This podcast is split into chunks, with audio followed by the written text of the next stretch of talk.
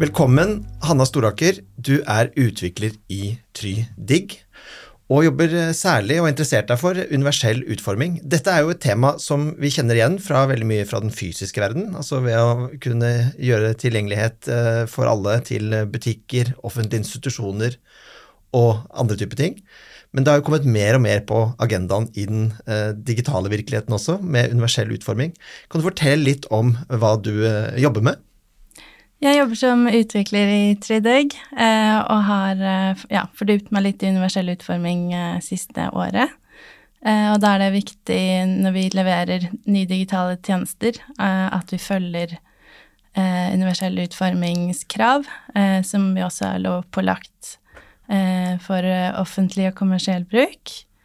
Og det vil også komme nye krav til universell utforming for private tjenester.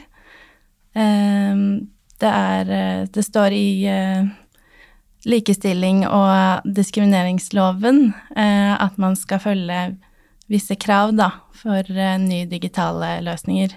Hvem er det, det dette særlig er relevant for? Altså, hva er det, hva er det en tjeneste som ikke er universelt utformet, hva slags problemer er det folk f.eks. med eh, synshemming da møter? Det er viktig at uh, løsningene vi leverer er kompatible med skjermlesere, f.eks. Uh, eller at brukere skal kunne navigere seg med kun tastatur på f.eks. en nettbutikk. og det skal være tydelig for brukeren da hvor på nettsiden den befinner seg til enhver tid. Eh, og kunne bruke nettstedet uten mus, f.eks. Og når du da får en kunde som én er opptatt av å følge lovens krav, men kanskje også er opptatt av å få en ny kundegruppe eh, som har slitt med eh, nettløsning, hvordan er det du går til verks da for å finne ut om en eh, tjeneste eller nettside er universelt utformet? Eh, det fins ulike måter å teste eh, på. Man har automatiserte tester. Eh, og da er det mye gratis verktøy man kan bruke til Chrome, f.eks., som eh, skanner og skanner nettsiden og identifiserer tilgjengelighetsproblemer. Eh, og så er det manuell testing med f.eks. skjermleser, eh, eller at man eh, prøver å navigere seg rundt med tastatur. Eh, at det blir enkelt for brukerne å bruke nettsiden da. og så kan man jo ha testing med eh, fokusgrupper da, som har en eh, funksjonshemming.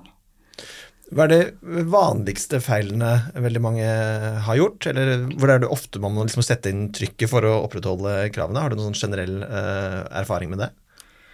Eh, den viktigste lærdommen vi har erfart, er at eh, man ikke tar eh, hensyn til universell utforming fra starten av et prosjekt, sånn at f.eks. utvikling eller designet ikke tar høyde for universell utforming, og at man da må gå tilbake eh, og gjøre endringer da, som blitt gjort fra start. Og da blir det mye arbeid, og det tar mye tid. Og det blir også eh, en større kostnad da, å få inn universell utforming.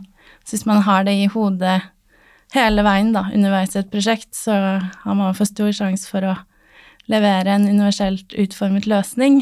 Og hvis man i tillegg inkluderer eh, testing av universell utforming underveis. For å konkretisere eh, hva veldig mange eh, har utfordringer med, eller hva som skal til for å få universell utforming, så har jeg i hvert fall hørt da, at det ofte handler det om eh, design, altså bruk av eh, ulike typer farger, hvordan man uh, forvalter tekst. Uh, men kan du gi meg noen sånn konkrete eksempler på hva ofte man må gjøre noe med eller tenke på hvis man starter et nytt prosjekt? Ja. Eh, det er eh, veldig viktig med kontrast på eh, nettsider. At tekst blir leselig og enkelt for alle brukere, uavhengig av deres personlige forutsetninger. Og så er det viktig at innhold ikke blinker mer enn tre ganger i sekundet med tanke på potensielle anfall.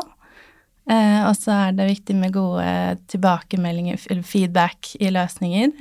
Tydelig fokus dates på hvor brukeren befinner seg på siden. Eh, og så er det viktig med eh, tekstlig innhold på bilder og videoer. At det også er eh, undertekster på filmer, f.eks.